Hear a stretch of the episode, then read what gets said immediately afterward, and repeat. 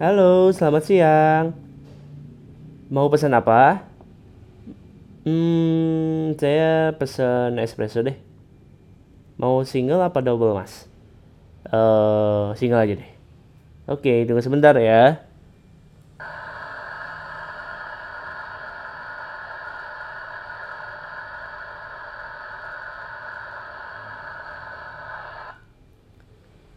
Silakan Mas, single espressonya.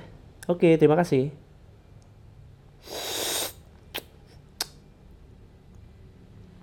Eh, mas, Mas. Ya, gimana Mas? Kayaknya tadi saya lihat Mas buat espresso ini under extraction deh. Soalnya deras banget tuh. Kayaknya di bawah 20 detik deh. Loh, emang kenapa, Pak? Asem banget.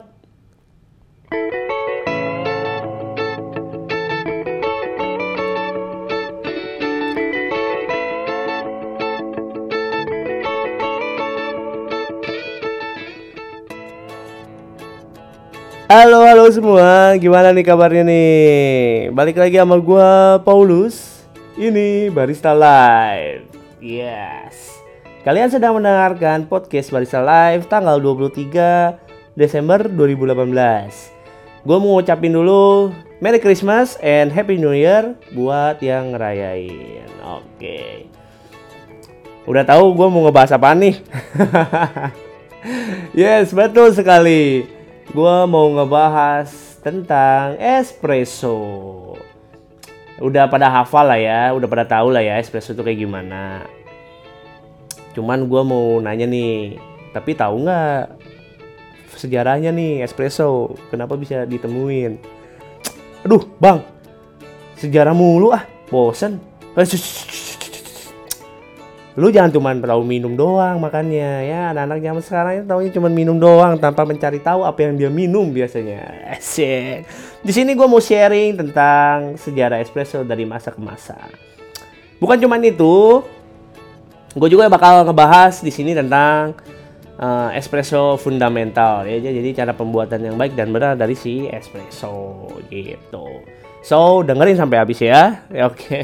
Sebelum ke pembahasan, gue mau hmm, ngasih informasi aja. Kalau podcast yang nanti di Spotify itu mungkin bakal gue seleksi ya. Jadi gue bakal ada yang sebagian dihapus. Tapi tenang aja, yang dihapus itu bakal gue move ke YouTube ya. Jangan lupa di subscribe YouTube channel gue untuk di podcast ya, untuk podcast Barista Live-nya. Kalian bisa ngenengin episode eh, episode yang nggak ada di podcast di yang biasa kali yang biasa kalian dengerin di Spotify ya atau di iTunes ya. Oke. Kita langsung aja masuk ke pembahasannya. Espresso. Hmm, espresso itu bisa dibilang dari akar perkembangan kopi modern. Dengan sejarah yang cukup panjang, jadi espresso ini itu induk dari berbagai macam varian kopi pada saat ini. Contohnya kayak latte yang kalian biasa minum, cappuccino yang biasa kalian minum, americano yang biasa kalian minum, itu semuanya adalah espresso ya. Base-nya itu adalah espresso. Kenapa sih bisa dinamain espresso? Karena mengacu pada kopi espresso atau cafe espresso itu bahasa Italinya adalah cepat kopi cepat disebutnya ya. Nah, espresso espresso coffee, kopi cepat ya. Ide untuk membuat kopi siap saji dalam hitungan detik ini itu berasal dari orang Itali yang namanya Angelo Moriondo. Kalau kalian terkenal atau mungkin familiar dengan nama ini, dia ini juga penemu uh, mesin kopi ya, mesin espresso. Nah, Siapa sih dia itu? Nah, dia itu ternyata pengusaha hotel dari Italia yang mempunyai semacam kafe tempat para tamu menikmati kopi di hotelnya. Namun pada saat itu nyajiin secangkir kopi aja itu makan waktu yang sangat lama. Jadi tamu-tamu hotel tuh kesel gitu ya. Anjir ini ini apa mesen kopi aja lama banget ya bla bla bla. Mungkin banyak komplain seperti itu ya. Nah, untuk mengatasi hal tersebut, ia pun berencana merancang mesin espresso pertama dengan bantuan mekanik bernama Martina. Nih, mungkin sebagian kalian ini belum tahu ya. Nah, makanya gue di sini sharing aja. Nah, si Martina ini mekanik pendamping si Angelo ya untuk membuat mesin espresso pertama kali. Barangkali Angelo Moriondo ini tidak menyangka niatnya itu memuaskan pelanggan padahal ternyata dia mengubah wajah sejarah perkopian di dunia. Ya, tadinya niatnya dia itu cuma membuat mesin yang lebih cepat sama si Martina ini. Eh ternyata impactnya itu di seluruh dunia ya sampai Indonesia juga. Siapa sih yang nggak kenal espresso gitu ya? Nah mesin espresso itu diperkenalkan di pameran General Expo pada tahun 1884 dan berhasil memenangkan medali perunggu ya itu mesin espresso yang pertama. Nah kehadiran mesin espresso ini memicu berbagai macam impro, improvisasi. Jadi kayak orang-orang lain tuh ya kayak, wih dia udah buat mesin espresso nih, ah gue mau modif lah atau bla bla bla bla bla bla bla bla bla bla ya. Jadi biasalah. Nah, salah satunya kemudian dikembangkan oleh si Luigi Bazera. Udah kalian pasti pernah dengar lah ya. Pada tahun 1901. Nah, ia mengembangkan penemuan Angelo dengan menambahkan teknologi uap pada mesinnya. That's right, yang biasa kalian lakuin ketika ada pesanan latte. Kalian harus nge-steam susu. Nah, penemu steam susu ini si Luigi Bazera ini. Ya, jadi si Angelo sama Luigi ini itu satu kesatuan yang tidak bisa dipisahkan gitu ya sekarang kalau di mesin espresso. Nah, makanlah, maka lahirlah espresso machine dengan single shot pertama ya. Itu sejarah tentang mesin espressonya dan si espressonya sendiri ya. Mesin espresso buatan si Bazera itu juga mampu menjaga suhu berada di kisaran 90 derajat Celcius. Seperti telah banyak diketahui, untuk mendapatkan rasa yang sempurna, kopi harus diseduh dengan air bersuhu 90 sampai 98 derajat Celcius. Apa itu? Ntar gue jelasin. Luigi Bazera sebenarnya itu bukan orang yang penyuka kopi, ternyata loh, ya. Dia hanya seorang pemilik pabrik yang mempunyai banyak buruh pekerja. Terkadang para buruh ini menghabiskan waktu terlalu lama untuk minum kopi. Dia ngabisin waktu kerjanya itu terlalu lama untuk minum kopi. Bukan untuk bersantai, saat itu memang butuh waktu lama untuk menunggu kopi dari mulai diseduh hingga dapat diminum. Nah, guna mempersingkat waktu itulah si Luigi Bazera mendesain ulang karyanya si Angelo. Waduh, ya. Jadi dimodif nih. Nah, cuman ada problemnya. Rasa kopi yang dihasilkan oleh racikan mesin si Bazera ini itu kurang sempurna dan sebetulnya masih sangat jauh dari standar kopi rasa kopi saat ini. Terdapat aroma yang burn atau terbakar dan juga rasa pahit yang berlebihan. Doi kebingungan. Akhirnya di tangan Desiderio Pavoni ya Mesin espresso mengalami perbaikan konstruksi desain. Mesin espresso besutan Bazera ini lantas diimprovisasi dan melahirkan sebuah katup rilis guna mengontrol tekanan mesin. Nah, hal ini membuat tekanan yang lebih stabil dan mendukung rasa kopi yang lebih baik. Waduh, berarti sejarahnya banyak juga ya. Nah, itu dia makannya ya. Jadi jangan cuma asal minum. Kita harus tahu gitu seluk beluknya tuh kayak gimana. Ya. Nah pada tahun 1938 dunia kopi di Italia itu diguncangkan oleh penemuan mutakhir dalam sejarah espresso dunia yaitu ditemukannya lapisan busa keemasan di atas espresso yang sekarang disebut dengan krema dulu nih ya oke krema apa itu krema? Ntar gue jelasin. Ternyata dulu espresso buatan si Desiderio Pavoni ini sama si Luigi Bazera sama si Angelo Moriando itu tidak menghasilkan krema loh. Ayo. Krik krik krik krik krik. Nah, baru ditemuin krema itu tahun 1938. ya, baru ada tahu yang namanya krema. Otaknya, otak di balik penemuan itu adalah si Esile Gagia. Hah, Gagia. Nah, Gagia itu juga mesin kopi ya, merek salah satu merek mesin kopi yang lumayan terkenal. Kopi uh, full automatic. Sebenarnya nama-nama nama-nama penemu ini adalah nama-nama mesin sebenarnya. Nah, di balik si Gagia ini dia yang menemukan standarisasi dari secangkir espresso. Gagia disebut-sebut sebagai bapak revolusi mesin espresso modern dengan penemuan kremanya. Yes, thanks to Gagia ya. Yang sekarang mesinnya juga lumayan banyak dipakai untuk mesin full automatic atau yang semi automatic juga ya. Ya lumayan lah ya. Nah, apa itu krema? Oke, nanti gue jelasin nanti ya. Nah, itu sekilas balik sejarah dari masa ke masa penemuan espresso dan espresso mesin. Nah, ini uh, untuk informasi sebagai tambahan aja ya. Ternyata seperti itu loh, espresso dan espresso mesin. ada yang tahu udah tahu atau ada yang baru tahu? Kalau yang baru tahu ya bagus lah ya, gue sharing knowledge lah sini. Nah, sekarang kita bahas ke teknik pembuatan espressonya. Oke, Sebelum ke teknik pembuatan espresso, gue mau jelasin dulu tentang si espressonya itu sendiri. Nah, espresso itu apa sih? Gitu ya. Espresso itu adalah saripati kopi yang dibuat menggunakan tekanan yang tinggi itu sekitar 8 sampai 9 bar PSY dan diseduh dengan suhu 89 derajat Celcius sampai di 96 derajat Celcius memiliki yang namanya krema. Nah, itu ada semua tuh, ya. Itu definisi tentang espresso. Ada semua di pembahasan sejarah tadi, ya. Jadi si Angelio Moriando pertama kali itu membuat mesin, Luigi Bazera itu yang menyempurnakan untuk ada desain uapnya, pressure-nya.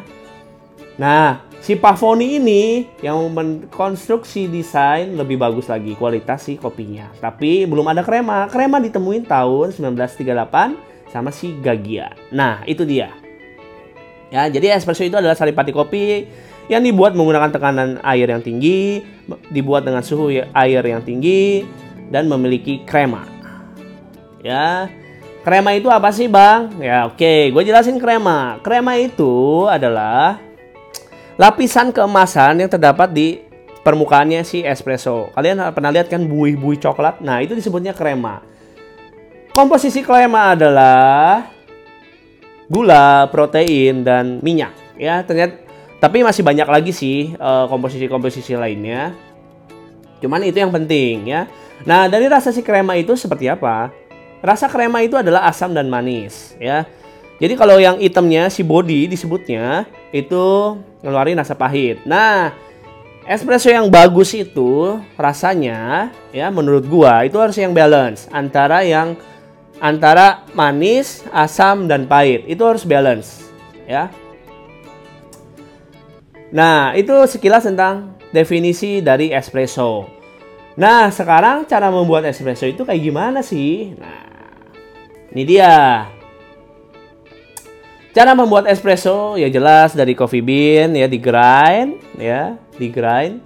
Biasanya grindnya itu adalah medium to fine ya. Dan apa namanya dimasukin ke portafilter. Portafilter itu adalah tempat basketnya uh, wadah untuk penyeduhan ya di mesin nanti ya. Nah, di brew menggunakan mesin itu tekanan yang tinggi nanti dia menghasilkan uh, cairan sebanyak 30 sampai 40 mili. Itu disebutnya single shot espresso. Itu disebutnya single shot espresso ya. Kalau untuk double berapa? Double itu ya tinggal kali dua ya 60 eh 60 mili ya. Kalau untuk standarnya IB, IBRC Indonesian Barista Championship atau World Barista Championship espresso itu harus di 28 mili sampai di 32 mili untuk singlenya ya. Oke. Nah, sekarang tadi kok di pembahasan apa di opening gua awal ya? Kan ada pendekar tuh anjir pendekar. Dia nanya loh mas espresso yang saya yang tadi saya lihat itu mas buatnya cuma uh, under extraction. Nah itu apa sih under extraction? Oke gue jelasin.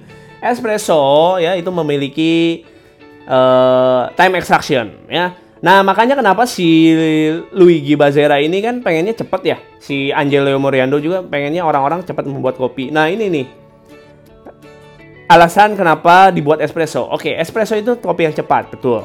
Nah, jadi ada time extraction. Time extraction untuk espresso itu biasanya 20 sampai 30 detik. Itu the best brew-nya lah untuk untuk espresso. Tapi kalau di bawah itu sama di atas itu bisa disebut gagal nggak espressonya? Ya nggak juga menurut gua ya. Nanti itu bakal tergantung nanti sama si karakter si beans-nya. Ada beberapa beans yang emang enak untuk dijadiin over extraction, ada beberapa beans yang emang enak espressonya untuk dijadiin sorry untuk dibuat uh, under extraction seperti itu ya. Jadi kalian tidak bisa menjudge dengan cara melihat si baristanya buat espresso. Oh, itu over extraction tuh sampai 45 detik. Pasti rasanya burn atau pahit. Enggak juga men ya.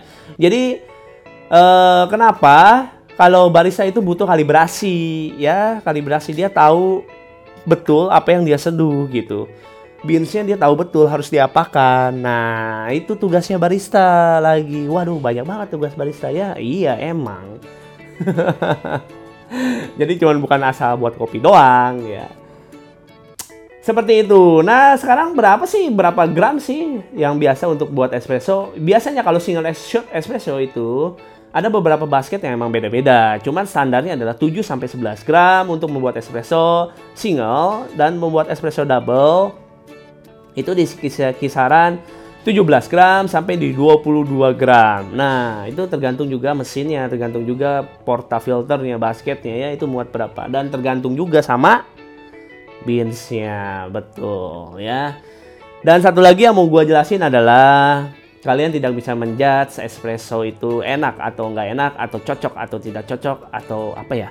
Uh, ya nggak enak lah disebutnya ya. Kalau bagi kalian yang bisa nyebut itu nggak enak hebat ya. Dalam artian seperti ini. Uh, espresso ya atau ya espresso itu itu kate ada tiga kategori yang menyangkut rasa dari si espresso itu. Yang pertama adalah si beansnya, yang kedua adalah dari mesinnya, mesin espressonya. Yang ketiga itu adalah dari si baristanya. Nah, tiga hal ini itu tidak bisa dipisahkan, ya. Gua kasih contoh.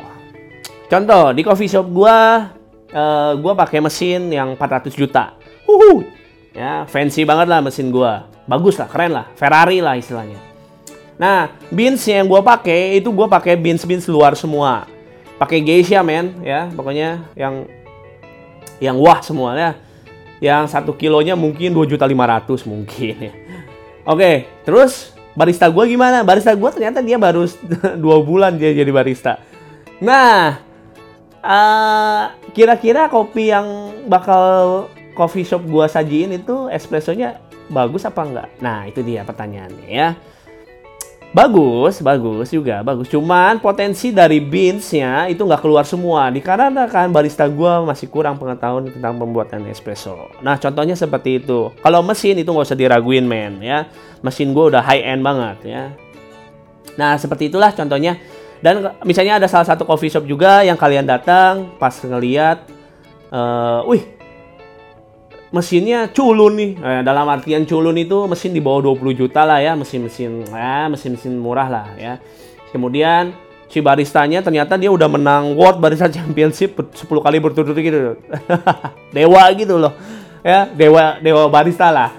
Terus beans yang dipakai biasa aja gitu ya. Ya, beans-beans standar lah yang 200 ribu per kilo lah. Kira-kira espressonya gimana ya, Bro? Nah, espressonya tidak mungkin mengeluarkan potensi yang maksimal dari si beansnya. Karena apa? Problemnya mesin. Dari be, dari mesin dan dari beansnya. Baristanya diragukan nggak? Nggak. Ya, dia mengeluarkan segala skillnya, mengeluarkan segala skillnya untuk men, mengeluarkan potensi dari si beansnya. Ternyata tidak bisa semaksimal mungkin dikarenakan mesinnya. Nah itu dia bro ya. Jadi itu tiga hal yang tidak mungkin dipisahkan dari secangkir 30 ml kopi pahit espresso. ya, kebanyak orang yang tidak mau minum espresso langsung gitu ya. Jarang karena alasannya, "Wih, pahit nih. Wih, kafeinnya tinggi nih ya." Ngomong soal kafein tentang espresso, kafein espresso itu paling rendah men di antara semua kopi-kopian ya, perkopian lah ya. Jadi jangan kalian pikir kalau espresso itu, wih ini strong nih, gila nih, uh, namanya es apa? Uh, kafeinnya tinggi banget nih, gua nggak bisa tidur nih, bla bla bla. Enggak ya, enggak seperti itu. Espresso itu paling rendah tingkat kafeinnya. Oke, itu aja sih pembahasan gue tentang espresso. Uh, gue harap apa ya kalian tahu lah sedikit-sedikit sejarah kenapa sih espresso ditemuin ya. Jadi kalian harus lebih bisa menghargai, apalagi apa uh, kita ngomongin tentang kopi-kopian lah ya yang prosesnya itu sangat sangat sangat panjang dan orang yang nemuin kopi-kopi itu juga orang-orang yang waduh perjuangannya luar biasa men ya Thank you banget yang udah dengerin podcast edukasi tentang espresso. Semoga podcast ini bermanfaat buat kalian semua barista-barista Indonesia yang bakal majuin perkopian di Indonesia. Bye bye.